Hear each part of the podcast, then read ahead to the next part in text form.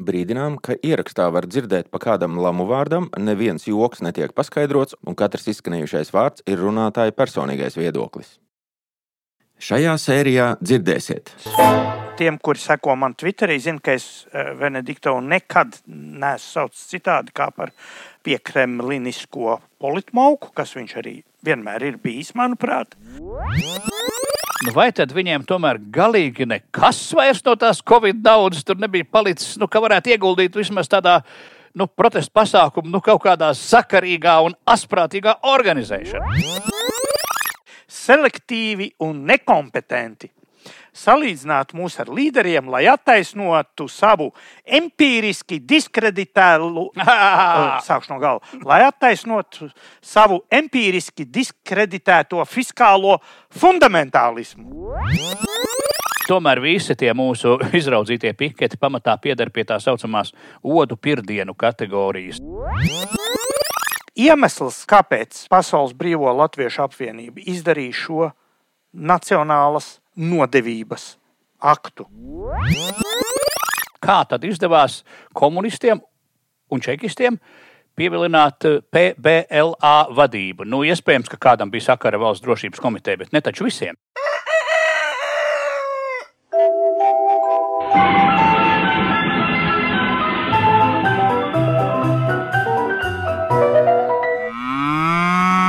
Jautājumi īstenībā provinces. Ja? Jā, jautājumi Aha. no provinces. Dzintris un Mārcis dzīvo laukos, bet nevar palikt vienaldzīgi pret valstī notiekošo. Sniega, sniegi puteņoja, raidījums ir atpakaļ. Piezvanīsim uz laukiem, pajautāsim, vai tur nav aizsniguši, vai vadi nav pārtrūkuši. Halū, halū, Dzintri, vai tu esi? Ā, sveiks, sveiks! Nav pārtrūkuši. Es nu pat pa puteņiem sazinājos ar zosēniem.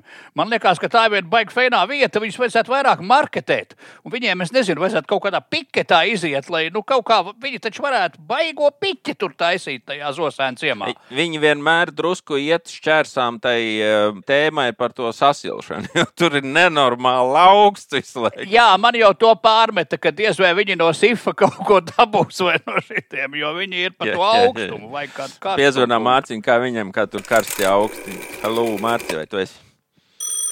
Jā, halo! Ir. Halo! Tu neesi zosēnos. Teikšu atklāti, šitais pēdējais sniegs, kas pirmdienas vakarā joprojām turpina snikt, man tas nepatīk. Šitais bija liekas, tas pēdējais ir liekas. Es tā kā eh, visu iepriekšējo piecies. Mm. Piedevām man šitais televizors, kas caur šķīvi nāk tas šodien nerādīs. Es ne, nevarēšu savus stulbās vācu filmu paskatīties vakarā Krimā. Mārcis paliks bez vācu filmas, bet mēs neesam palikuši bez visādiem jaunumiem. Varbūt ne gluži tādiem milzīgiem notikumiem, bet pirmos es varbūt no sevis. Mm, es domāju, ka mums visiem ir liels prieks par dažām personālajām, kas ir atkal uzpeldējušas. Nu, pavisam vismazāk būtiskā ir tautā iemīļotā dzēniece Krivadi, kur tagad ir devusies strādāt uz vidu mazgāt to reputāciju. Nu, iepriekš viņa mazgāja Ilzas Viņķelas reputāciju ar to paldies Ilze. Nu, Ilze tagad ir ar kriminālu lietu, tā kā viņa ir ļoti veiksmīga. Novēlēsim viņai arī tajā savā jaunajā darbā. Un piketos viņi piedalās, viņa publiska persona. Viņa pazib, pazib, pazib, tā. Turies, turies, Marta, viss būs labi. Bet otrs gan ir interesantāks. Tas ir mūsu dārgais draugs Ilja Kozins, kas ir atpakaļ un priecēs mūs ar droši vien ar visādām savām atkal kārtējām izpausmēm Twitterī. Vai jūs pamanījāt? Jā, jā tur, tur bija tāda maza nesapratne tur tajā mēdīkļu nometnē, jo kaut kā viņš tā tik fiksi pārleca uz to progresīvo galu ka pat daži tādi stingrticīgie liberālā gala žurnālisti tā kā drusciņi apmulsa un, un nezināja, kas šai brīdī īsti jāsaka. Man tas apmulsums šķita vēl interesantāks nekā kozina lēkāšana. Man tā šķiet laba ziņa. Šis pavasaris nāk ar labām ziņām. Grūti ar sniegu un visu ko tādu, bet ar labām ziņām. Proti, mēs šajā raidījumā mūsu ilju esam nu, lamājuši laikam būtu vēl tā kā pieklājīgs. Mēs eh, esam Apcēl, apcēluši, esam apcēluši. Tā. Apcēlušies un aptaisījušies. Jā. Un mums te tā deva, nu, ko mēs viņam tā piesējušies. Viņš tā varbūt godīgs puisis. Nu, viņš tagad ir no skapja iznācis. Vienlaicīgi kā staķis skapī iegāja, ja, tagad, un šis ir no skapja iznācis. Un izrādās, viņš ir bijis viscaur progresīvs, caur un cauri visu laiku. Un melo viņš arī pieķerts smagos melos, tiek vidēji divreiz gadā. Es te pagāju cauri tiem viņa sniegumiem. Mums klausītājiem noteikti ļoti patika viņa televīzijas montāžu nostrs. Pieminiekļa atklāšanas, bet viņam jau ir viens tāds pavisam nu, tāds nevās diršanas piemērs, ir, kā viņš tur stāstīja, kā viņš pie pumpuru skolas bija atradzis to Nacionālās apvienības mm -hmm. dzērāja, Nacionālās apvienības krekliņu, un kā tur divi krievi izglābuši un tā. Un tad, kad sāka viņam prasīt bildes, tad viņš teica, nu, jātic man uz vārda, būs jātic uz vārda. Nu, kad tas bija 2008. gadā? Nu, jā nu, tik tā apvienība ir dibināta 2010. Nu, tas ir. Un nu, šis, šis jaunais cilvēks bija arī Latvijas žurnālists priekšnieks. Vienas daļas, pareizākās daļas. Tās. Nu, es tā īsā teiktu, jā, jā. pareizākā. Tajā daļas, laikā, jā. kad šī asociācija, kā zināms, apmeloja Latvijas robežsargus, apmeloja mūsu sabiedrotos polijas robežsargus un ar visu Kremļa narratīvu tur ņēmās. Kozins viņus aizstāvēja, un viņu savukārt aizstāvēja Rošu kalnu. Un, nu, tur visi ņēmās. Un viņš tā skaitā kā pilnīgi objektīvais, objektīvais žurnālists. Nu, tagad viņš ir no skapja ārā, un tā ir laba ziņa. Tas pats, kas par Krivadas iesaistīšanos Jaunzemes aizstāvībā, jo viņi, starp citu, vidas sakarā ja uzmanīgs googlotājs atrastu, pirms kādiem gadiem, tā, kad to vidu māju būvēja, tur bija skandāls, ka būvniekam re un re bija pilnīgi kreisi tie logi. Bez ražotāja certifikātu. Tādu nu, pilnīgi mm. blēdīgi. Un faktiski viņi tur kaut kādas fenderētas vai nu, pilnīgi kreisus centās uzstādīt, un šo jautājumu centās noregulēt. Kas? Providus droši vien. Nekrīvādi. Iedre nekrīvādi, kas tajā brīdī bija re un re publisko attiecību, tā sakot, nu, tur pārstāv. Ja? Tā kā viņa ar to māju pazīstam, un ja viņai izdosies tikpat labi kā ar viņķeli, es domāju, mēs visi būsim arī par šo pavasaru priecīgi. Bet es riskēju uzrauties uz nosodījumu, bet man ir tāda cerība, ka biedrs Kozins netraucēs izvērsties biedram Briškenam. Netraucēs nemaz. Es, es ļoti ceru, jo manis iemīļotajā vārnīcas žanrā tur ir viens notikums. Budžeta sakarā es saprotu, mēs par budžetu vispār kā par pilnīgi nesvarīgu uh, izlaižam vispār to tēmu, bet tur ir viens punkts, ko es gribētu atzīmēt. Tātad viens no mūsu raidījuma klausītājiem atgādināja, ka es neesmu vārnīcā ielicis ne vārdu diskurss, ne vārdu narratīvs. Un tad ir pielicis klāt, kas var būt arī dis diskursa narratīvs un narratīva diskurss. Tas ir šos te vārdus var kombinēt savā starpā, paaugstinot bezjēdzīgumu pakāpi un palielinot savu to tukšdiršanas efektivitāti. Un tieši šādi biedrs Briškens turpmākais maizes tēvs mūsu īļam, progresīvo uh, līderis. Viņš uzstājās budžeta lielapspriedē, mēģināšu nocitēt. Sāks Briškens citāts. Savukārt Latvijā, kā mēs visi zinām, Latvija turpina grimt Eiropas Savienības attīstības rādītāju lejas galā, kamēr jūs, Reira kungs, turpināt uzmanīgi, selektīvi un nekompetenti salīdzināt mūs ar līderiem, lai attaisnotu savu empiriski diskreditētu, sākšu no gala, lai attaisnotu savu empiriski diskreditēto fiskālo fundamentālismu, kas jūsu gadījumā ir reliģija. Tātad četri pēc kārtas, virknēti bez saikļiem. Un bez partikulām viens pakaļ otram. Tā tad empiriski diskreditētais fiskālais fundamentālisms, kas ir šī narratīva uh, diskurss, reliģiozi, fanātiskais. Brīnišķīgi. Es, man, man tas brīškens patīk ar vien vairāk.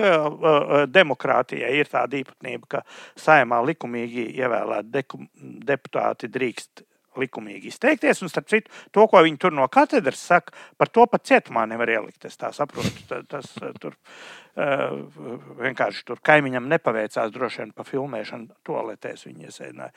Un es ceru, ka nu, šitais gandrīz nemelotājs godvīrs un profesionālais gļēbulis Ilja Kozins, kā pastiprinājums šai frakcijai, netraucēs Briškana kunga empiriski diskreditēto fiskālo fundamentālismu diskursa narratīvu. Jā, man, man tas šausmīgi patīk. Es no savas puses vēl divas niansītas par um, Ilju. Varbūt ne visi pamanīja, un tie, kas Twitterī nav, noteikti nepamanīja, bet viņam bija viens tāds ieraksts, ka viņš šo paziņojumu bija pietaupījis, jo viņš lūk, nesot gribējis traucēt tā budžeta apspriešanu ar domu, ka viņa paziņojums ir tik svarīgs, ka viņš varētu vai? novērst valsts uzmanību. Budžeta Tā, tāpat, lidojumā tā apstātos tā kā putns gaisā. baigi iekavējies jau tāpat, un tagad pēkšņi šī nozīmīgā paziņojuma dēļ. Un, un šī tāda trauma budžetā. Briškans sāktu stostīties un nevarētu šito izteikt. Jā, un, un otra lieta, es tomēr augstu novērtēju progresīvo uh, iemaņas, ko viņi tomēr ir jau apguvuši pa šiem dažiem gadiem. Politikas to ekonomisko pusi, jo, ja jūs pamanījāt, uh, Kozins bija tur izplatījies ar tekstu, ka viņš lūk iešot nu, kaut kādā tur uzņēmēja darbībā un tā kā bija izplatījies kaut kāds kursiks, vadīs un valodu Jā, mācīs. mācīt, mācīt Jā. valodu. Jā. Un izrādās, ko, ko, mē, un ko mēs redzam, ja, ka šajās dienās tikko kā Kozins ir pie progresīviem, tā progresīvie ir tribīnē un aicina valsti vairāk tērēt naudas latviešu valodas mācīšanai, kuri vēl šitos 30 gadus to nav izdarījuši. Iedomājieties, kā tur nauda ir jāsaka. Sifam, sifam naudu, sifam vairāk Kādam naudas. sifam tur tagad ir viens kursiks speciālists. Ne, ne. Savējais. Nē, Briškans teica, ka vajag dot Viņi varbūt pie sevis uh, frakcijā jo- tur.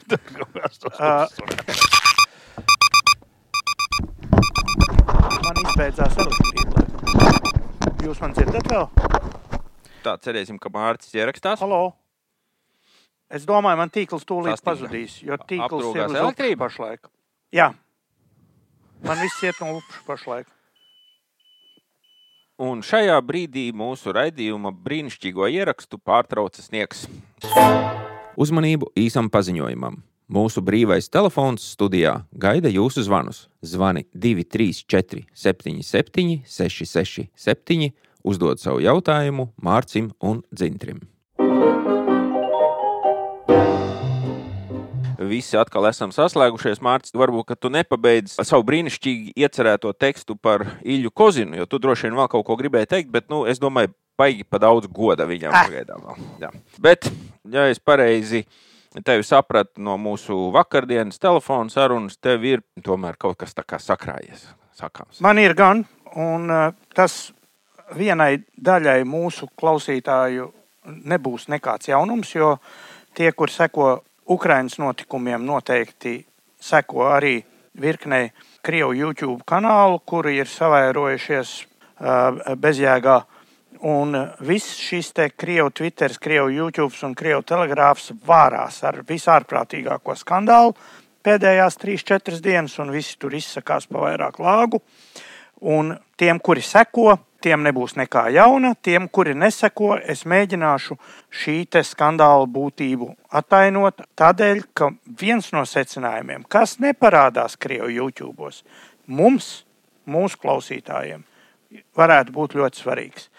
Tātad, tikko pienāca ziņa, ka Oskaru dokumentālajām filmām piešķīra filmai par Navaļniju, un Navaļnija kundze sarkanā kleitā iznāca tur teikt runu, kas, protams, ļoti aizkaitināja Ukraiņus, jo Zaļenskim bija ne- neļāva teikt runu Oskaros. Bet tas, tas tā starp citu. Kas ir Navaļnijas, visi zina. Navaļnijas ir Krievu opozicionārs, droši vien būtu jāsauc par redzamāko pašlaik Puķina opozicionāru, kuru mēģināja drošības dienesti noindēt.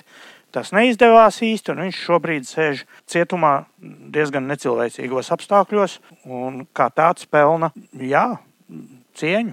Es viņu vietā noteikti nebūtu braucis uz Krieviju atpakaļ. Tas ir pazīstams personāžs. Otrs pazīstamais personāžs nesen gozījās mūsu televīzijā, Dožģa televīzijas skandāla sakarā. Proti, no Maskavas bija atskrējis Eho Maskvī šefs Benediktovs, šķiet, Aleksējs priekšvārdā. Atcerieties, viņam tāda nosirmojuša Sanžels Devis frizūra, tāda liela. Saki jau, kā nu ir. Viņš izstāsta pēc rabīna. Nepareizi saģērbta. Nu, bez cepurītes viņš gan bez Jā, kipas jā. staigā. Nē, nē, viņš Nu, izskatās nepareizi saģērbts. Tas ir pēc, Anžel, pēc Anžels Devis vecumdienās. Nu, labi. Un viņš televīzijā, atcerieties, viņš stāstīja visādas muļķības, tur, kad do, viņš te ved sarunas par Dožu TV izglābšanu. Man šķiet, viņš vēl izmanījās interviju no mūsu neaizstājamā un uh, mīļā valsts prezidenta Levita vēl iegūt. Un, uh, tiem, kuri seko man Twitterī, zina, ka es uh, Benediktovu nekad neesmu saucis citādi kā par piekremlinisko politmauku, kas viņš arī vienmēr ir bijis, manuprāt bet nu, ļoti daudz uzskata viņu par brīvās preses neuzpērkamu aizgādni. Tātad skandāla būtība Navaļnija fonds, e, saīsināt to sauc e, FBK fonds. Barbīs korupcija. Barbīs korupcija. Jā, FBK. Jā. Šis fonds izplatīja ļoti nopietnus pierādījumus. Nevis baumas, bet ļoti nopietnus dokumentālus pierādījumus, ka Venediktovs ir no Maskavas mēra Sobjāņina, Maskavas vietvalža, simtiem miljonu rubļu saņēmis, ņēmis simtos tūkstošu ārā daudzos bankomātos, tur viss ir ar izdrukām. It kā par to, ka viņš taisa žurnālu Maskavas mērijai, ko viņš arī ir taisījis. Tātad šis te Venediktos, kuru aicināja Maskavas vēlēšanu novērotājos. Maskavā bija e, municipālās vēlēšanas un ar elektroniskas tā skaitā. Viņš novēroja, vienlaicīgi saņemdams, es pasvītroju, simtus miljonu no tā uzraugāmā, no Sobjaņina. Un plēsa kreklu un stāstīja, cik ļoti tās vēlēšanas ir bijušas godīgas, lai arī visi zināja, ka tās vēlēšanas ir nozagtas. Tātad Venediktova aizstāvība balstās korupcijā. Tātad viņš ir saņēmis miljonus dolāru par to, ka sekos Sobjāņinam, lai tas neblēdās ar vēlēšanām. Pats Venediktovs ļoti apvainojās, kā, kā drīkst par viņu tā domāt, ka viņš ir uzpērkams, un viņš uzreiz nopublicēja vēstuli, kura ir iesūtīta Eiropas Savienībā. Vēstule Alfa Bank. Alfa Bank, kā jūs zinat, divi galvenie īpašnieki ir Biedrs Avens. Biedrs Avens ar biedru tātad eh, Friedmanu.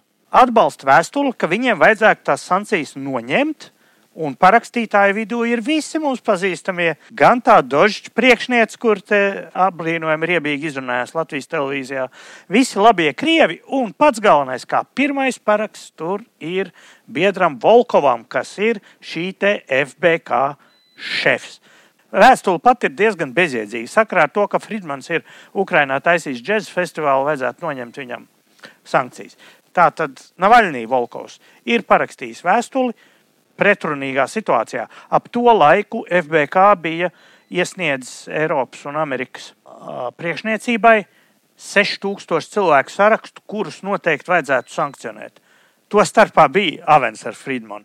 Un tagad viņš ir arī parakstījis vēstuli, ka no maniem 6000 šitos te nevajag. Tā tad tā saucamā liberālā opozīcija, Puķina opozīcija, viņi ir faktiski divas grupas. Ir ārzemēs dzīvojoši dirsēji un Krievijā palikuši pērkami subjekti ar burtiski dažiem izņēmumiem. Un lai arī viņi ir Puķina pretinieki, Jā, viņi ir pretinieki, bet viņi ir krievu impēristi. Visi, gandrīz, gandrīz visi. Un es pievēršu uzmanību gan tas Eho Maskvī, gan arī Nobeļa laureāti Novaja Gazeta. Abi šie orgāni bija krievu oligarhu finansēti. Viņi nekad nav bijuši neatkarīgi mēdī. Viņi bija tikpat neatkarīgi kā literatūra un māksla bija neatkarīga no kompartijas 86. gadā. Kaut ko drukāt varēja priekš gudriem cilvēkiem, nedrukāja to pašu, ko cīņā. Ja? Bet tā neatkarība tieši šāda. Un starp citu, tas pats Hodorkovskis, par kuru mēs pieminējām kādā no iepriekšējiem raidījumiem, viņš tagad sēž un vada kopā ar Kaspāro Krievijas opozīciju ārzemēs. Un viņš nosoda visus tos, tā skaitā tādu kā mani, kas nosoda Venediktovu un Volkovu. Tātad arī šis labais krievs ir par to, ka tie krievu liberālie, tā saucamie opozicionāri, korumpanti, prasti sakot, korumpanti. E, viņus nedrīkst nosodīt sakarā ar to, ka viņi karo pret Putinu. Tas viss jau ir pareizi, ko Mārcis saka. Tur vienīgi tā, tās manas piezīmes ir tādas. Pirmkārt, Maskavā vispār dzīve ir kā, nu, dārga. Tur tie ļauži, Venedikto kungs un, un citi kungi un dāmas un Volko kungs. Viņi jau grib tā kā dzīvot, nu, ne tikai nomaksāt rēķinus, bet nu, dzīvot labi. Tur pārtikas, apģērbu, gadžetu un, un automobīļu un visādās citās sfērās. Un tad, nu, kā tad mēs domājam, no kā viņi īsti pārtiek tur, Maskavā, tālajā, sniegainajā? Nu, protams, ka tad ir kaut kādi tādi ļoti, es lūdzu, uzsvērt šo vārdu nosacīti, nosacīti liberālisti, kā Sobjāņina kungs. Un tad, nu, no viņiem, tad, protams, tiek paņemts zināms naudiņas, miljoni, nevis nu, tā, ka mēs te pa kādu tūkstotu priecājamies. Un tā tas vienkārši notiek, jo no kā tad šie kungi tur citādāk varētu tā īsti iztikt? Skaidrs, ka viņi ir divkoši un diezgan pērkams prostitūtas. Un, un tad tādi paši kadri jau atrodas arī šeit, kaut vai te vairāk kārt pieminētais Ragozina kungs, kurš mums te tika postamentēts kā tāds augsts Krievijas liberālās domas uh, paudējs, kurš uh, palīdzēs atmaskot tur nelietīgos, un viņš bija kaut kur vēl publicējis, ka reku ir mans video, kur es tieku saņemts ciet kādā tur blatnais laukumā, uh, un vēlāk izrādījās tāds pats revanšists kā visa tā varza, runājot par Azovu.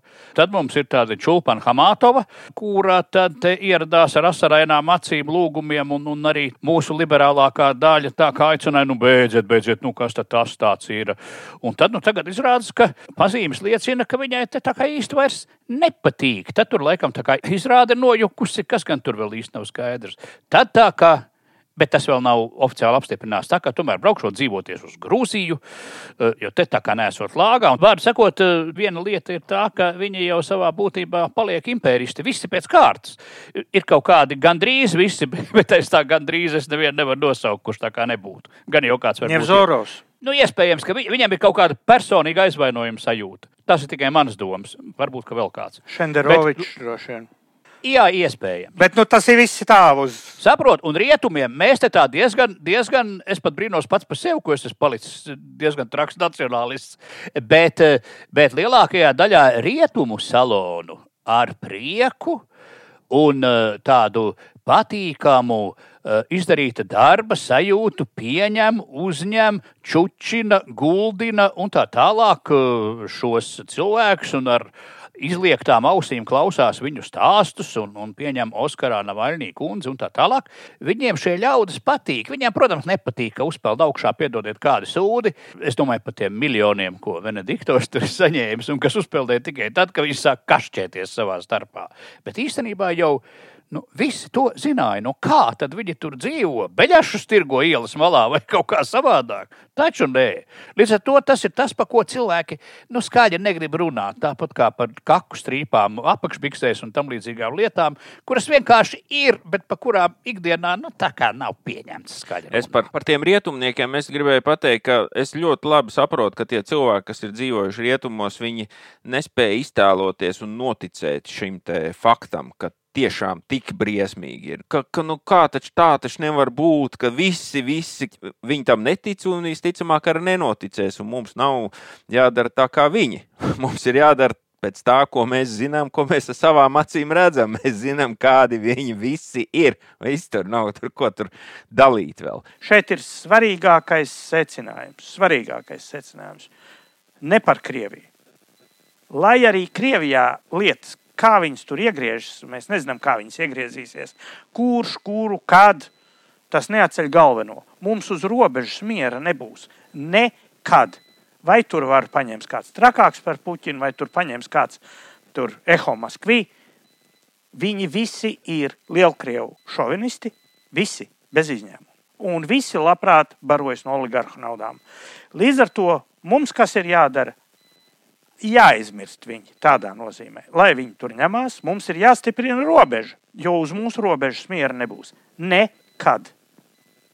Līdz ar to iekšlietu ministrijai jāstiprina robeža, aizsardzības ministrijai jāstiprina aizsardzības spējas, mums ir jābūt stipriem, imilitāri, ideoloģiski.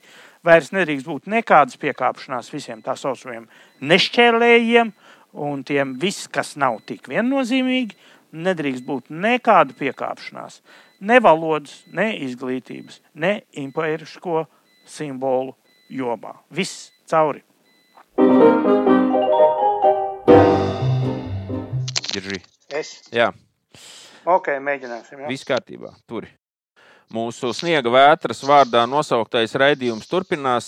Darbie klausītāji, nebrīnieties par dažādiem skaņu efektiem, kas te pa vidu var ielausties, jo ieraksti notiek uh, visdažādākajos veidos, tā skaitā visādos mistiskos un nepārāk normālos. Bet ejam tālāk. Zintri, es uh, pilnīgi droši zinu, ka tev patīk fotografēt, vai ne? Fotografēt. Jā, bet Āfrikā. nu, jā, redz. Bet citiem patīk fotografēt Rīgā. Zini, ir tādi cilvēki, kur fotografē piketus. À, Es nezinu, ka tu esi skatījies bildes no piketiem iepriekšējās nedēļas, un es saprotu, ka tev ir kaut kādi komentāri par piketiem un bildēm. jā, jā, jā, jā. Man drīzāk ir tā, ka man patīk tie stāsti par piketiem, un man patīk arī dažreiz agrāk, kad es te taisīju feļetons, tad pašam ieklīst un tur paklausīties tās gudrās domas, un tā jau lielākoties piketos parasti tur ieklīst tādi, nu, tādi psiholoģiski nenosvērti cilvēki vai dažādi mūžīgā dzinēja izgudrotāji vai Latvijas mūžīgās svētlaimes eh, pārraudzītāji, kuri zina, kā tos Vai radio ģenerāldirektori un tā visādi. Jā, jā, jā, un tad tur var uzzināt daudz dažādas interesantas lietas.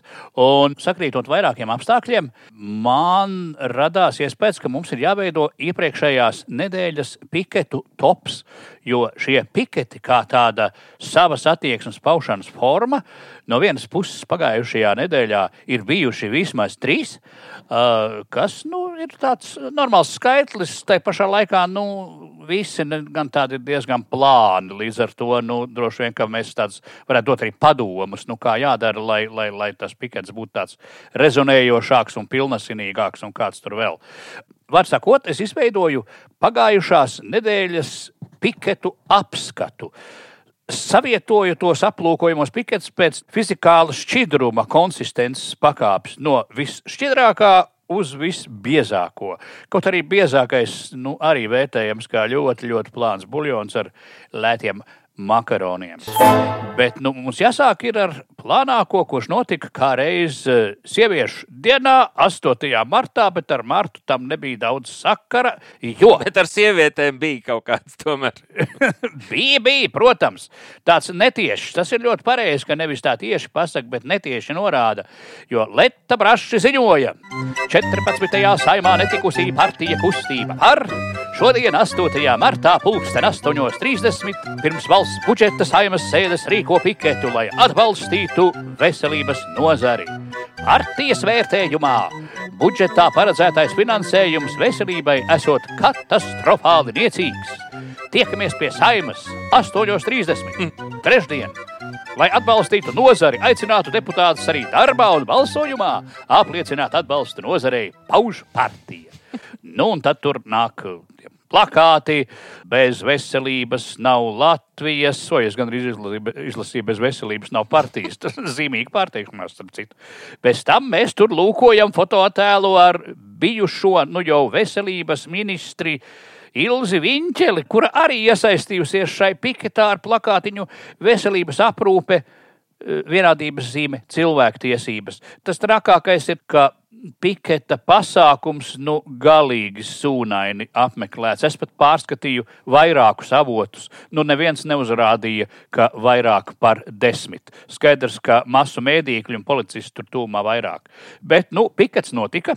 Un Ilze Viņķele, viņa bija atradusi brīvu brīdi un ieradās, un tas ir diezgan traki, ka cilvēks, kurš nu, tomēr ir bijis kaut kādā augšā, ja, un tad piedalās tādā vienā galīgi, galīgi nīkulīgā piketiņā, nu, nu, kurš, nu, kurš neko vairs nevar ietekmēt. Nu, piemēram, 22. gadā, 22. gada septembrī, kad jau brieda ziepes veselības aprūpē, tad pie ministra kabineta arotbiedrības sapulcē vismaz 500 cilvēku. Ogres muzeja aizstāvēšanas pasākumā bija 200. Te ap desmit. Nu, vai tad viņiem tomēr galīgi nekas vairs no tās Covid naudas tur nebija palicis, nu, ka varētu ieguldīt vismaz tādā nu, protesta pasākumu nu, kaut kādā sakarīgā un asprātīgā organizēšanā. Nu, nu, nu, tāds tas aplūkojums par to pirmo piketu. Es gribētu padomu uzreiz. Es pa vidu ar padomu. Nu, jā, nu, jā. Es ieteiktu šitiem cilvēkiem padomāt 8.30 no rīta. Pa ko viņi ar kuru galu viņu bija, šito bija izdomājuši? Tie cilvēki, kas ir viņu partijā un pa viņiem balso 11. ceļās no rītiem. 8.30. Pilnīgi bezcerīgs pasākums. Tas ir Nu, garām. tas, tas, tas tā ir skaitā. Nu, līdz ar to nu, tad, laikam viss Covid nauda ir notērēta. Nu, kaut kā padod. Savā ziņā eh, ļoti laikmetam raksturīgi. Ja? Aizsardzības ministrijas tajā mega iepirkumā uzvar uzņēmums, kam nav ne ar informācijas sistēmām, ne ar apgādi, ne ar glabāšanu nekāda sakara. Ja? Tur vienkārši bezskaunīgi paņem 220 miljonu kontraktu cilvēku, kuriem nu, tas nepienāks. Eh, Šeit bez jeb mazākām kauna pazīmēm iebildes pret situāciju veselības aprūpē nāk tās partijas vārdā, kas četru gadu laikā ir iztērējusi nebijušu naudu veselības aprūpē un neko tajā nav uzlabojusi. Ja? Un paši tagad nāk un protestē. E, Es nebrīnītos, ka vienbrīd arī tur tā rojas zemnieku saimniecība nāks un protestēt pie aizsardzības ministrijas par to, ka nav, nu, tie iepirkumi notiek nepareizi. Ja? Tas bezskaunības līmenis, kas notiek šobrīd pašreizējā valsts pārvaldē un ar to saistītajos eh, politiskajos procesos, ir pieaudzis līdz totālam absurdam. Bet laikam tomēr likās, ka nu, ļaudis ir, ir galīgi idioti un ka kaut kā rezonēs tas, tas stāstīns no pārdesmit cilvēkiem 8.30 no rīta. Nu, nekas izņemot dažas eh, bildes eh, medijos, nu, tur nebija līdz to tā sanāk mums tā trešā pēdējā vieta, jo nākamā aplūkojumā piketa organizētāji, nu, tie vismaz tik daudz bija sajēguši, ka plakātus no iepriekšējās reizes bija paņēmuši tagad atkal otru reizi. Proti, runa ir par, nu, vienā teikumā priekšvēsture, tātad Saima 16. februārī atbalstīja to valsts aizsardzības dienesta likuma projektu, vai, nu, kā mēs laikam nepareizi saucam, par obligāto militāro dienestu, kas paredz Latvijā pakāpeniski ieviest, jā, obligāto aizsardzības dienestu. Kur obligāti iesaugs 300 cilvēkus par to nākamo trīs gadu laikā. Jā, jā, jā, bet Bet ne uzreiz. jā pa, pa 300, vienam. bet ne uzreiz. Jā, jā. Vienā laikā nē. Šī taisa vairāk kārt ir izraisījusi arī kā, nu, protestus. E, Pirmais jau bija 22. oktobrī. Gājienā protestēja pret valsts aizsardzības dienestu ieviešanu. Tur kaut kādi 50 cilvēki bija sapulcējušies Rīgas centrā. Bet atcerieties tagad uz iepriekšējo nedēļu. Piketētāji no jauna atjaunoja savu, akcentēja savu prasību pret obligāto militāro dienestu. Nu, šoreiz gāja švakāk. Ja rudenī bija 50 cilvēki, tad tagad bija 10. Kaut gan nu, bija plānots ap 100, bet nu, sanāca 10, jo bija putenis. Nu, tā tad 10 reizes mazāk. Nu, ja būtu bijis Putins, tad būtu vēl mazāk. Tā tad tas bija 4. martā ap diviem. Nu, redziet, tie ir drusku prātīgāk to laiku izvēlējušies. Bet nu, putenis ap diviem un spītējot sniegputenim protestēja pret obligātā militārā dienesta ieviešanu. Sākotnēji bija, bija nostājušies uz iet uz kaut kur pie pilsētas kanāla margām, paņēmuši rokās dažus plakātus. Es tā kā pačekoju, nu, tie plakāti ir tie paši, kas bijuši tajā rudenī. Tā kā nu, kaut kāda pēctecība notiek. E, Nu, te arī daži mēdī tā drusku asprātīgi protestētāji sāka gājienu uz aizsardzības ministriju latviešu valodā ar krievu akcentu. E, Skandējot saukļus pret obligātā militārā dienesta ieviešanu, nu, tur visādi, kas mēs esam, Latvijas patrioti, obligāti nē, brīvprātīgi jā, un, un ka vajagot tā, obligātu iesaukumu atcelt un padarīt Latviju par valsti, kuru jaunieši paši gribēs aizstāvēt. Nu, atzinums te ir viens, ka laikam jau tā obligātā dienesta, kā jau te kungi pieminēja, ārkārtīgi liberālistiski izveidotā struktūra. Droši vien, ka lielākajai daļai ir vai nu vienaldzīga, mazākajai daļai pieņemama.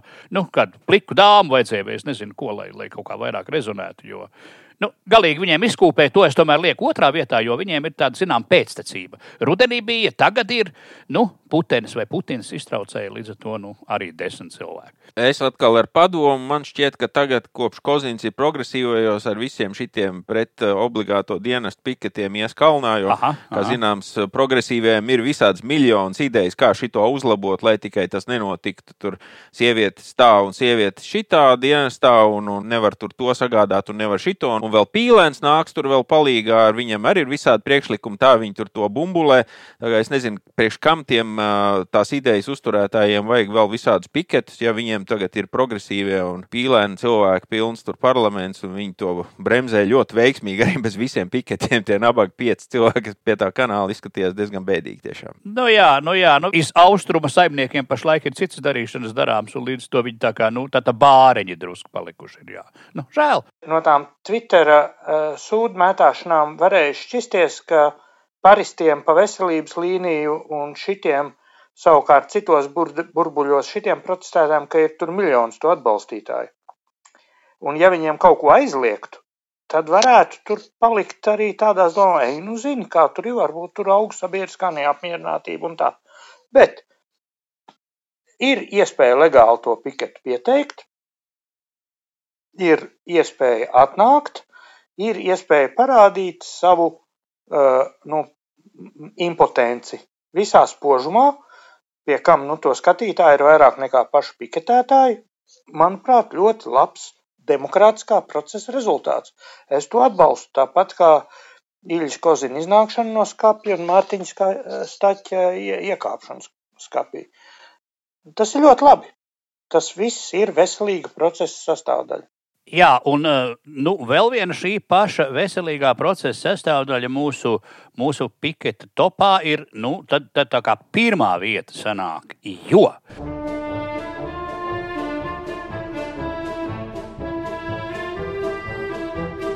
12. martā Latvijas Krievu Savienības organizētajā piketā pret Puškinu, oi, pret Puškina aizvākšanu, pieminiekļa aizvākšanu, pulcējies ap 200 cilvēku. Un priekšvēsture ir īsa. Pirms tam vēl iepriekšējā nedēļā Rīgas domas pieminiekļu padoma atbalstīja sešu pieminiekļu demontāžu vai pārvietošanu, saistot ar padomu laiku slavināšanu. Tātad Puškins, Andrejs Upīts, Keldišs, Sakse, tāds komunists Zutis, vēl tur kāds bija. Uh, nu, Pieminekļa padome ir Rīgas domas tāda konsultatīva institūcija. Nu, viņiem īsos vārdos būtu jāiesaka domai, vai šis piemineklis ir novācams, pārvietojams vai nav aiztiekams. Uh, nu, un tad viņi bija izlēmuši, ka manis pieminētie seši ir tā kā jāšķūrē nost. Uh, Mārtiņš Staķis, Rīgas mērs. Viņam ir rakstīts, iekavās PP, tas ir progresīvā partija, man pilnīgi divdomības nāca, nāca prātā. Rīgas mērs Mārtiņš Staķis iekavās PP. Aģentūrai Leta piebilda, kas nozīmē, ka bumbiņu mētāšana sākas, ka pašvaldībai šobrīd ir svarīgāki darbi, ar ko nodarboties Es patiešām no savas puses uzskatu, ka tā nav šobrīd numur viens prioritāte. Šis būs vēsturē lielākais budžets. Eh, man vislielākās bažas, kā mēs visu šo paveiksim, visas tās labās lietas, kas tur ir saliktas iekšā, tas, manuprāt, būtu tas, par ko deputātiem šeit būtu, būtu primāri jārunā. Turklāt, pēc viņa teiktā, padomu jau varu slavinošie pieminiekļi Rīgā jau ir demontēti bet par citu pieminiektu aizvākšanu nepieciešama diskusija. Bet nu, Krievijas Savienība ļaunu nojaušot rīkoja piketu. Tātad bija pulcējušies ap 200 cilvēku pie Rīgas domes. Tur bija tādas tā skatuve ar mikrofoniem un skaļruņiem. Diemžēl, cik noprotu, Buzajaukungs, mans labs paziņš, neuzstājās šoreiz. Bet nu, daudzi citi interesanti tipāži tur bija bijuši. Krievijas Savienības politiķi arī daži no saskaņas. Tur bija novietot stulba instalācija, kur Mārtiņš Staķis ar pistoli šauja Puškina piemineklim. Nu, tā primitīvi uzzīmēts, baigi labi skatīties. Nu, tad tur tie politiķi tur runājās vien brīdi, turēja rokās dažādus plakātus, tā skaitā e, tie divi bija, tur bija deputāti necīnies ar pagātni atbildi par tagadni, vai arī Puški, uh, Asnova kultūri, nu, tur Puškins vai, vai Lielgabali ir kultūras pamats apmēram viens un tas pats. Nu jā, un tad deklamēja tur dzēju un, un citēja dažādas latviešu personāžus, kas cildinājuši Puškinu. Uzrunas pārsvarā tiek teiktas krievu valodā, bet atsevišķi runātāji izteicās gan latviešu, gan krievu valodā. Teritoriju novēro policisti. Interesanti, ka Latvijas-Krievijas Savienības uh, mājaslapā nav nekas par šo piketu minēts. Laikam arī viņa prāt tas ir izdevies diezgan sūnains un makaroniem apkārt. Tur mēs varam vairāk izlasīt, piemēram, par kanalizācijas lūks vāku pie trolēļus pieturas slēpotā ielā un tam līdzīgas lietas. Mani atzinumi un secinājumi. Krievijas partijas cīnās par Krievijas balsīm, jo, piemēram, ievērojamajā pasākumā nebija partijas stabilitātei biedri, nemaz nerunājot par visādiem Elksniņiem un Bartaševičiem. Piketēt vajag un, un noteikti var, un to vajag darīt Rīgā. Jo tad pamanīs mediju. Provincē diezgan nav. Kaut vai mums te bija māņu zvans eh, tepat mūsu novadā par ūdeņraža bumbas ievietošanu Limbaģas slimnīcā. Bet tikai novada avīzītē. Nu, Rīga ir Rīga. Piketējiet Rīgā, tad tā lieta aizies, un jo stulbāk, jo labāk. Un, uh, tomēr visi tie mūsu izraudzītie piketi pamatā pieder pie tā saucamās odu pirdienu kategorijas ietekmes uz lietām un procesiem, nu, gandrīz vai nekādas. Un droši vien, ka lielāka rezonance tam idejām un priekšlikumiem būtu nevis piketos, bet kaut kādos publiski pieejamos internetos vai rāģiņos, vai, vai tā kaut vai arī mūsu provinces jautājuma idejas ir ieliktas jau tālāk notiekošu procesu pamatos. Bet tas jau ir cits stāsts. Nu, tas īsi ir tas, tas uh, top apskats, uh, kā laureātu šoreiz nosaucot Latvijas Krievijas Savienības Puškina padarīšanu. Jā, es gribēju nedaudz Zintrim iebilst atšķirībā no tiem diviem uh, mikropiketiem. Šim vismaz manā Twitter burbulī ir sekas. Proti, acīm redzam, bijusi grupa cilvēku, kuriem Puškins nav tas pats, kas upīts, un nav tas pats, kas uh, okupācijas piemineklis. Nu, Puškins tomēr griez kā grib, tā ir pasaules klasika. Nu, tomēr, nu jā, nu, bet, nu, varbūt, nu, un tad galu galā viņš jau tik, tas viss tik sen. Bet ieraugot, kas ir tie aizstāvji, tad ir pilnīgi skaidrs, kurā pusē tev pašam jābūt. Ja? Ka ar tiem kopā iet kaut ko aizstāvēt. Nu, nē, tas pat raku, vai ne? Tā kā es pat domāju, ka šim piketam ir tik tiešām neliela, bet ir zināma ietekme uz pašu sabiedrības noskaņojumu. Ja? Atšķirībā no atmaskojošiem televīzijas raidījumiem, kuri atkal aplaiž pāpla veselu nedēļu un nevar pamanīt, ka vidu noziedznieku banda turpina mierīgi studēt savu aizstāvību. Ja? To es arī, arī savā burbulī lasu pret uh, Puškinu. Tad, tad sākās tāda, zinām, tolerēšana vai amortizēšanās. Nu, kā tā vai nu tiešām un tam līdzīgi. Bet man, ap citu, liekas dīvaini, ka kur tad tas Feldmaršals Barklēs de Tollī tā kā ir izsprucis sveikā arī no šīs pieminekļa padomas rezumējuma. Eh, bet, tu zini, es gribētu teikt, ka tur ir loģika, jo Puškinam ar Rīga nav itin absolūti un nekāda sakara. Jā. Šī ir vienkārši impērijas teritorijas iezīmēšana. Atšķirībā no Barklēda Tolī, kas ir, nu, kā sakot, vietējais. Es tik gribētu teikt, ka tas nu nekā neataisno viņa postamenta būšanu šeit. Tas ir cits jautājums. Sevišķi šajos apstākļos, jā. Tas ir cits jautājums, bet atšķirība ir. Atšķirība ir, viņš ir vietējais, viņam ir sakars ar šo teritoriju. Atšķirībā no Puškina, kuram nav absolūti nekādas. Visas šīs te teritoriju un pieminiekļu runas un būšanas pilnīgi noteikti nepazudīs no dienas kārtības. Mēs, protams, raidījumā centīsimies varbūt nu, ne gluži tā, ka katru reizi par to runāt, bet nu, tur būs vēl sarunas. Un te jau iezīmējās neizbēgamā saruna par latviešu sarkano strēlnieku pieminekli, kurš tur vēl stāv un vēl visādas tēmas, tā kā tas vēl būs. Bet šajā ejam uz priekšu. Mēs gaidām arī tavu zvanu. Ja ir kas sakāms, zvani mums, sūti balss ziņu, raksti WhatsApp vai SMS 234, 77, 667. Kā nu mūsu raidījumā bez vēsturiskiem atskatiem, un šī raidījuma kopējā tematikā ļoti skaisti ierakstās. Nākamais māča atmiņu stāstījums, tā teikt, pie atmiņu ugunskura. Mārci. Mans atmiņu ugunskurs sāksies ar pagājušās nedēļas vienu krustpunktu raidījumu, kurā bija šī diskusija par pieminekļiem un par vēsturisko atmiņu un par izplēstajām lapusēm un, un vēl nesko.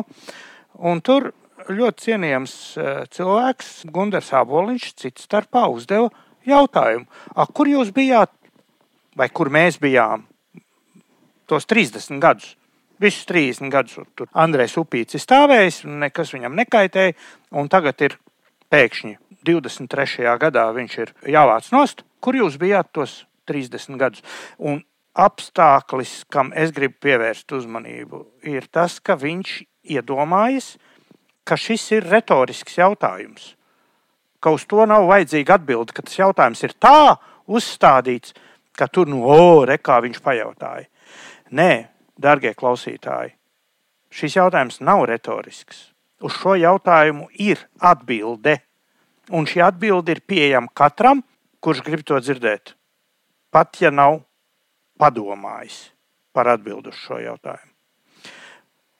Jo tik tiešām pirms 30 gadiem notika dažas principiālas lietas mūsu jaunlaika vēsturē, kuru dēļ šos 30 gadus sabiedrības attīstība dažos jautājumos, dažos jautājumos, ne visos, tika ne tikai bremzēta, bet pat novadīta tā, lai tā neskartu iepriekšējo varnešu labklājību visplašākajā nozīmē.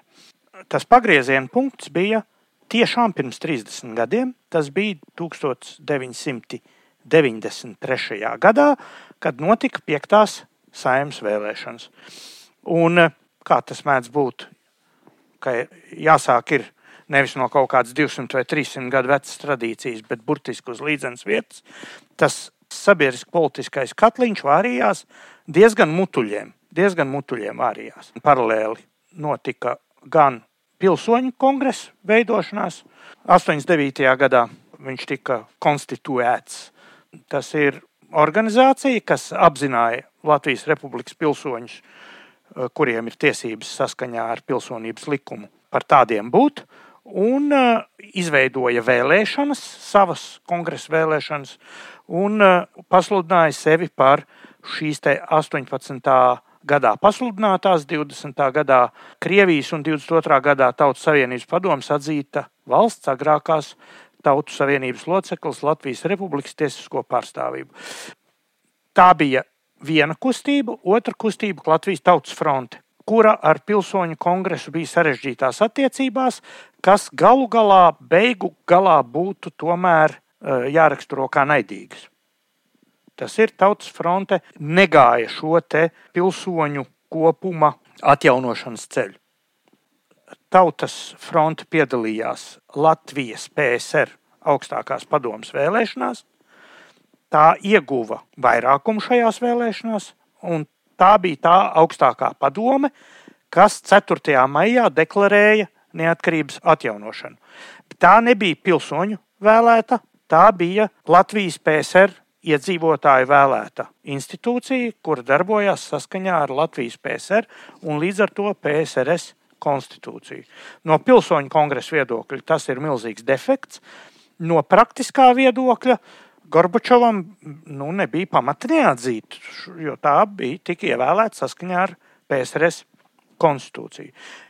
Attiecības starp pilsoņu kongresu, augstāko padomi, tautas fronti un tajā brīdī jau skaidri iezīmējušos tādu organizāciju kā LNNK, kurai bija sadarbība ar Tautas fronti. Viņi pat tā kā kolektīvi tā kā bija tur iekļauti uz kaut kādiem īpatnējiem noteikumiem. Un vēl citu spēlētāju, ļoti svarīgu spēlētāju visā šajā, kas ir Pasaules Brīvo Latviešu apvienība, kura ir jau 50. gados izveidota ļoti autoritatīva organizācija, kas pēc būtības apvienoja visus emigrācijas latviešus, kurus interesēja Latvijas neatkarība un Latvijas nākotnes jautājumi. Tātad uz 93. gada vēlēšanām parādījās tāda organizācija kā Latvijas ceļš. Tobrīd tā bija domāta kā priekšvēlēšana savienība, kas vēlāk kļuva par partiju. Latvijas ceļa pamatā bija klubs 21, kluba 21 pamatā bija tautas frontes deputāti, ekonomikā redzams personas, biznesmeņi, dažādi interesanti cilvēki. Un klubs 21 organizācija galu galā vienojās ar Pasaules Brīvo Latviešu apvienību, ka PBLA deva savu atbalstu tieši šai grupai, un nevis pilsoņu kongresam, un nevis LNK. Un Latvijas ceļš ietvēra sevī savā sarakstā ļoti redzams PBLA darbinieks, kaut vai minēsim Meijerovicu, kurš bija tā kā viņa valsts prezidenta kandidāts un ievērojams emigrācijas darbinieks. Un tajā ietilpa arī Gorbunovs, Kehris, ļoti redzami kompartijas, pietiekoši labi zināmi čekas darbinieki, un tā tālāk. Un tā tālāk. Iemesls, kāpēc Pasaules Brīvo Latviešu apvienība izdarīja šo nacionālas nodevības aktu, ir izskaidrojami. Un tur ir ļoti daudz personīgu lietu, ļoti daudz tīri psiholoģisku lietu. Un es ceru, ka ne šajā formātā, ne iknedēļas raidījuma formātā, bet kādā no specizlaidumiem mēs varētu atgriezties pie šīs tēmas, kā tas varēja notikt, kāpēc PBLA, kas kopumā bija emigrācijas ļoti nopietna un laba emigrācijas organizācija, kura savā mājaslapā starp citu raksta sekojoši. PBLA neatkarības atjaunošanas laikā stiprināja sadarbību ar tiem grupējumiem Latvijā, kas iestājas par valstiskas neatkarības atjaunošanu. 89. gada septembrī Berlīnē tika panākta vienošanās ar Latvijas Tautas fronti un LNNK par kopdarbību. PBLA piedarījās Latvijas neatkarības deklarācijas izveidē, informācijas birojas palīdzēja veidot ārlietu ministriju un uh, cits starpā desantēja Levitu šai vajadzībai neatkarības deklarācijas rakstīšanai. Raksturīgs moments ne PBLā mājaslapā, ne Wiki, Wikipēdijas rakstā nav ne ar zilbi minēta PBLā dalība Latvijas ceļu izveidē un starts 93. gada 5. saimnes vēlēšanās. Pie organizācijām, ar kurām ir bijis vērts sadarboties, tiek minēts LNNK, tiek minēta Latvijas Tautas fronte, pilsoņu kongress neeksistē. Līdz ar to ar šo te uzvaru Latvijas ceļš dabūja 36 vietas šajās vēlēšanās, un Anatolijas Gorbunovs iesēdās nevis cietumā, kur viņam būtu vieta, ideoloģijas sekretāram, visaugstākais komunistiskā režīma vadonis, kas tobrīd vispār bija apgrozībā. Viņš iesēdās 5. zemes priekšsēdētāja krēslā. Līdzīgi bija ar Kehru, Bojāru, Dučiem citu. Lai saprastu, Ojārs Kehrs ir tautas frontes dibināšanā. Viņš bija piedalījās un no 88. līdz 90. gadam bija Tautas fronts domas loceklis un ekonomikas komisijas vadītājs.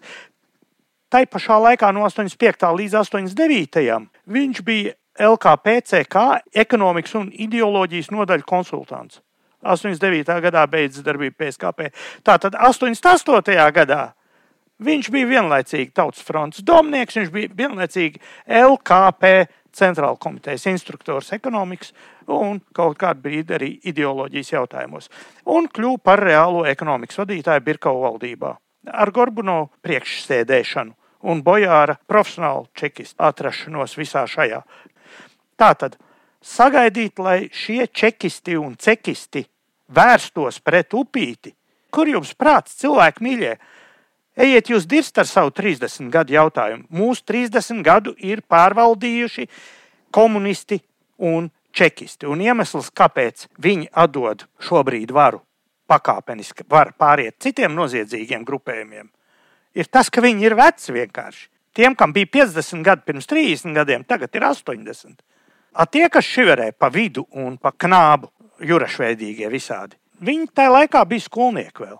Viņi nevarēja tajā brīdī būt pie varas. Un tā ir atbilde. Tā ir pavisam vienkārša atbilde. Varat apstīties, ja gribat vēl tur Gunta Indriksona biogrāfiju un to pašu Bojāra biogrāfiju. Tur viss ir redzams. Klubs 21 vēsture arī gal galā nav slepena. Tātad galvenais secinājums kā no Latvijas Tautas frontes daļas izveidotais Latvijas ceļš kopā ar Klubu 21 ar Pasaules brīvo Latviešu apvienības atbalstu izveidoja komunistu un čekistu būtiski ietekmētu un emigrācijas organizāciju Svētītu varu Latvijā. Un sagaidīt no šīs te varas rīcību, padomju monumentu novākšanā, komunistu kā organizācijas čekistu reālā nosodīšanā ir muļķīgi. Tas, ko viņi izdarīja, viņi pārmeta šo tiltiņu uz stukačiem, ka tie tie galvenie vainīgie. Lai gan stukači apkalpoja čekistus un čekisti pildīja Kehra un Gorbuno rīkojumus. Bet vainīgie bija stukači. Ar tos kādu brīdi marinēja maisos, lai varētu ilgāk par to parunāt un nevilkt konkrēti ārā, pagaidīt, kamēr arī daļa no tiem apmirs un nevarēs izstāstīt, kā tur īsti ir bijis.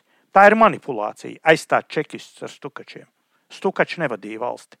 Valsti vadīja Gorbunovs, Kehrs, Bojārs.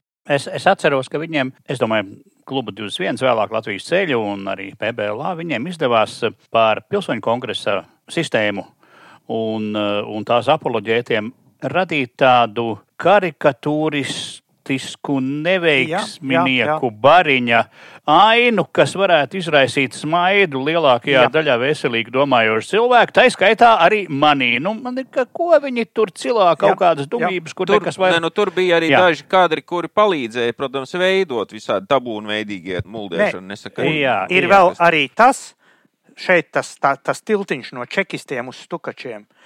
Uh, Stukaču skaits tajā uh, jā, jā, visā pilsoņu kongresā. Nacionālā, nu, ne, es ne, ne, negribu runāt konkrēti par kongresu kā organizāciju un viņu to, laikam, pastāv, Latvijas komiteja vai kā viņi sauc to pastāvīgu organizāciju. Bet kopumā tajā vidē Stukaču loģiski bija vairāk nekā, nekā pārējā. Jā, jā, un otrs ir. Loģiski, ka viņi tur bija. Nu, kā citādi. Nu. Un, un līdz ar to stukačus arī varēja vieglāk uzkūdīt, lai viņi tur eh, nu, plēš kreklu tur un, un ārdās. Protams. Tas bija, tas bija viens, un otrs ir tas neatbildētais, nu kā, kā vai caur eventuālo īpašumu atgūšanu, vai kā citādi, kā, kā tad izdevās komunistiem un čekistiem uh, pievilināt eh, PBLA vadību. Nu, iespējams, ka kādam bija sakara valsts drošības komiteja, bet ne taču visiem. Nu, kas bija tie es, burkāniņi, tie, es, tie, tie man ir sava kūkas? Hi, man ir sava hipotēze, kuru varbūt, eh, ja mums izdosies tajā speciālajā vēstures lapusē pārjautāt procesa dalībniekiem, bet man hipotēze ir tāda, ka tie PBLA cilvēki bija īstenībā no vidēji augstām aprindām. Tiem cilvēkiem bija jābūt pietiekoši labi situētiem, lai viņi varētu atļauties tur darboties. Tur bija juristi, tur bija veiksmīgi karjeru taisījuši uh, valsts dienestos cilvēki. Viņi staigāja žaketē, baltā kreklā, šlipsē, un tā kā viņi atbrauc, viņiem daudz vieglāk ir runāt ar uh, cekistiem nekā tur kaut kādiem eh, histēriskiem pagrīdniekiem. Ja? Viņi runāja vienā valodā. Viņi labāk sapratās. Nu, tā kā ar šitiem mēs sarunāsim, šitie tik jauki cilvēki visi. Gal galā toreiz jau tomēr neviens nevarēja zināt, kā tas iegriezīsies. Ja? Nu, viņi visi viens otru domāja apspēlēt. Un beigās izrādījās, protams, ka tie, kas šeit uz vietas zina tos noteikumus, tie bija gudrāki bija tajā apspēlēšanā. Tas ir skaidrs un jā. saprotams. Un, lai nebūtu tā, ka es kaut kā nosodu vispār visu šo procesu, tas pamat uzdevumu šī schēma, ka Latvijas Tautas Fronte piedalās augstākās padomus vēlēšanās, kaut ko pasludina, pēc tam kaut ko vienojas ar Jeļcinu un galu galā atjauno to pašu, ko pilsoņu kongress piecerējis, paziņo par ne, valstiskās nepārtrauktības principu un atjauno 18. novembra republiku. Tehniski jau rezultāts tika sasniegts. Neatkarība un starptautiska atzīšana tika panākta, pēc tam iestāšanās Eiropas Savienībā un NATO ir panākta. Tādēļ es saku, dažos jautājumos sociāli politiskie procesi Latvijā galu galā ir atrisinājušies veiksmīgi. Viņi nav gājuši vispār uz priekšu ne uz kādu komunistu un čekistu varas demontāžu. Tā vara ir pamazām vienkārši apmirusi, varbūt, atdodot vietu iespējams vēl neglītākai ietekmju grupai. thank you Pasildījāmies pie atmiņu uguns, kur atcerējāmies un pieminējām visādas personas. Es domāju, šodienai pietiks šai nedēļai. Saku paldies vīriem, paldies Mārcis tev. Jā, nav par ko. Citreiz atkal, kad būs elektrība mājā. Kurina vēl? Un paldies tev, Dzintri. Paldies, paldies. Turam roku uz pulsa un, un vēl visādās citās vietās. Un tiekamies nākamajā nedēļā. Visu gaišu! Un atgādinām, ka jūs klausāties brīvu cilvēku brīvas sarunas tikai pateicoties raidījuma draugu atbalstam. Ja arī tev šķiet svarīgi, lai jautājums no provinces turpina skanēt, piestiķē savu eiro raidījuma draugu kolektei. Saiti ziedojumam atradīsi šīs sērijas aprakstā.